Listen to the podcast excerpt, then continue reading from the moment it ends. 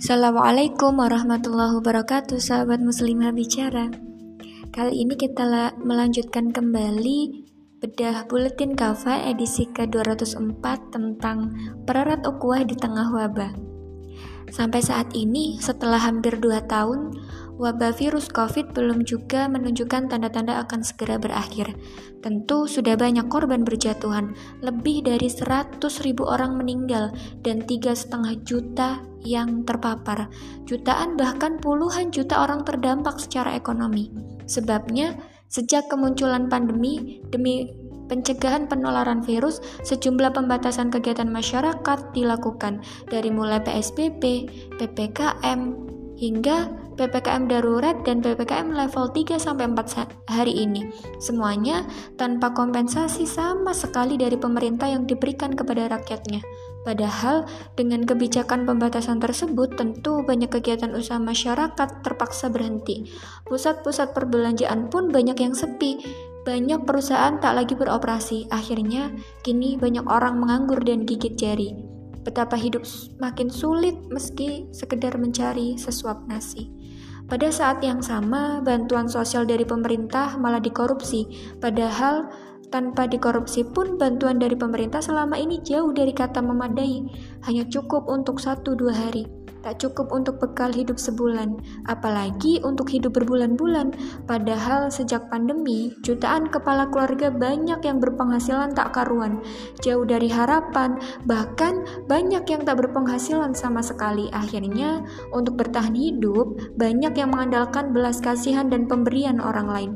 Sayangnya, sejak awal kita tidak terlalu berharap kepada pemerintah. Terbukti Sejak awal pandemi, kebijakan pemerintah tampak lebih berpihak pada kepentingan oligarki daripada kepada rakyat kebanyakan. Pemerintah lebih berkepentingan menyelamatkan bisnis para kapitalis daripada menyelamatkan jutaan rakyat nyawanya. Itulah mengapa sampai saat ini kebijakan lockdown tak kunjung segera diambil. Alasannya, kebijakan lockdown dianggap akan merugikan secara ekonomi, terutama tentu berdampak pada bisnis bisnis para kapitalis. Alasan lainnya tentu tak kalah mengejutkan, karena kebijakan lockdown sesuai dengan undang-undang karantina mewajibkan pemerintah untuk memberikan kompensasi untuk rakyat. Inilah yang sejatinya dihindari oleh pemerintah. Kompensasi untuk rakyat dianggap sebagai beban, padahal konon pemerintah sudah menghabiskan seribu triliun rupiah dana pinjaman yang dimaksudkan untuk mengatasi pandemi dan segala dampaknya. Namun, semua itu seolah tak berarti, sebabnya dana sebanyak itu tak banyak dirasakan oleh semua kalangan rakyat. Boleh jadi malah lebih banyak dinikmati oleh segelintir orang yang notabene para kapitalis.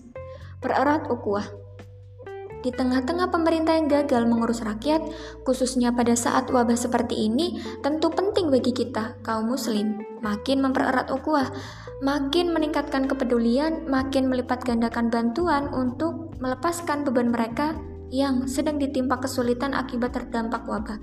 Kaum muslim harus menyadari bahwa memelihara dan mempererat ukhuwah Islamiyah adalah kewajiban setiap muslim. Kewajiban ini didasarkan pada sejumlah nas Al-Qur'an maupun As-Sunnah.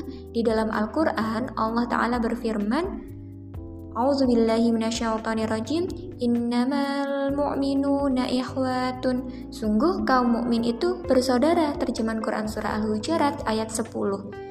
Ayat ini menghendaki ukhuwah kaum mukmin harus benar-benar kuat, bahkan lebih kuat daripada persaudaraan karena nasab. Karena bersaudara normalnya dan alaminya kehidupan mereka diliputi kecintaan, perdamaian, persatuan, saling memperhatikan, saling menguatkan, saling peduli, serta saling membantu dalam ragam kesulitan. Adapun di dalam as-sunnah, Rasulullah SAW antara lain bersabda, mukmin dengan mukmin lainnya bagaikan satu bangunan, sebagian menguatkan sebagian lainnya. Hadis riwayat Bukhari, At-Tirmizi, An-Nasa'i dan Ahmad. Tingkat kepedulian. Salah satu perwujudan hakiki ukhuwah Islamiyah adalah saling peduli, khususnya saat banyak saudara sesama muslim ditimpa ragam kesulitan, terutama pada saat-saat wabah seperti ini. Di sinilah Pentingnya kaum muslim untuk saling membantu dan saling menolong. Apalagi membantu atau menolong sesama muslim adalah satu amal solih yang utama dan agung. Demikian sebagaimana sabda Rasulullah Siapa saja yang menghilangkan satu kesusahan seorang mukmin di antara kesusahan ke kesusahan dunia, niscaya Allah akan menghilangkan darinya satu kesusahan di antara kesusahan-kesusahan pada hari kiamat.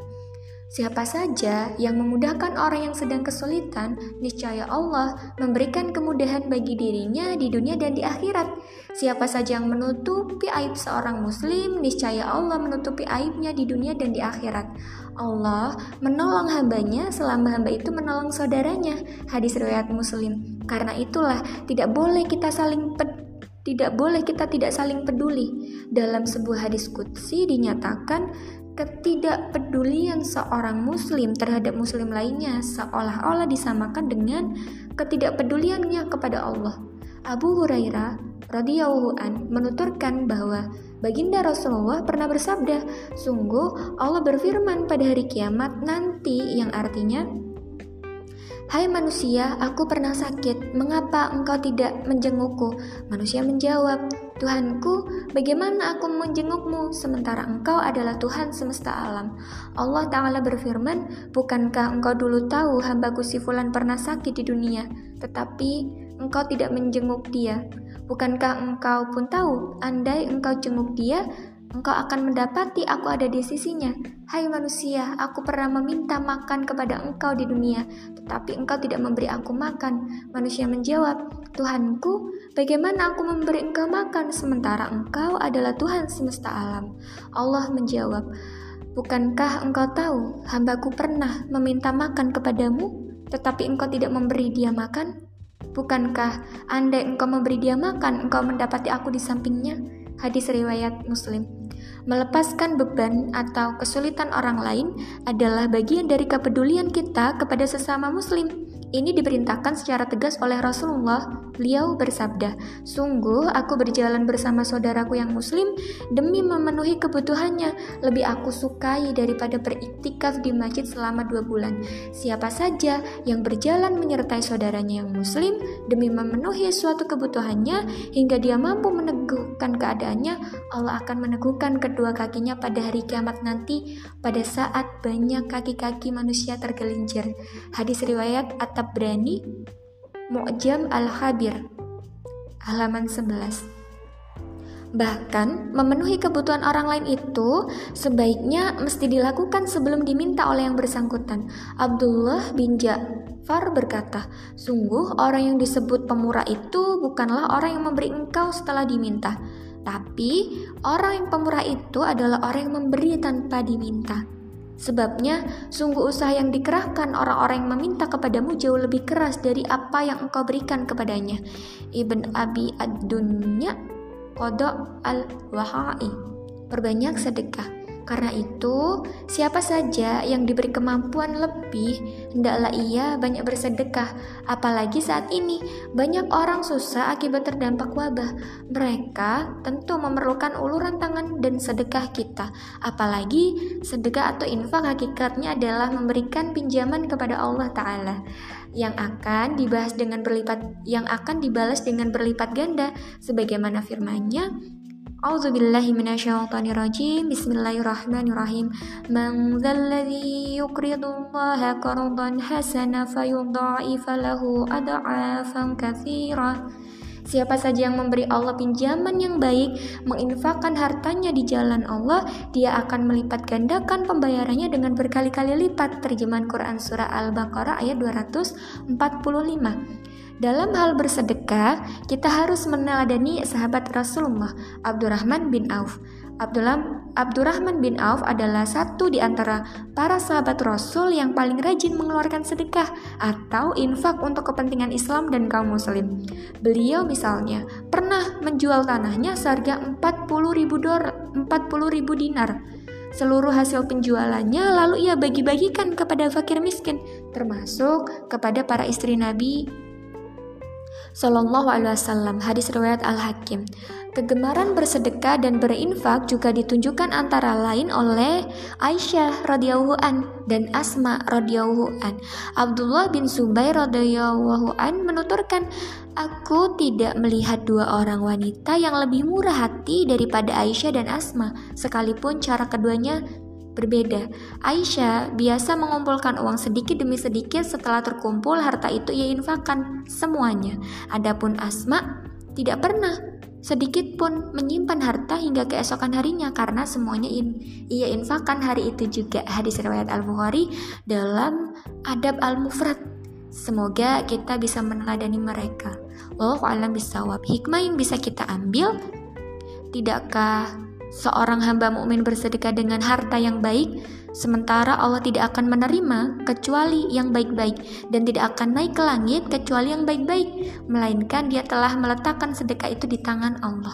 Allah akan melipat gandakan pahalanya sebagaimana seseorang di antara kalian menyemai benihnya atau memelihara anak unta. Jika itu berupa sebutir kurma, niscaya ia akan tumbuh sehingga menjadi seperti gunung yang sangat besar. Hadis riwayat Ahmad, Anas Sa'id, dan At-Tirmizi. Barakallahu fikum, jazakumullah khair. Wassalamualaikum warahmatullahi wabarakatuh.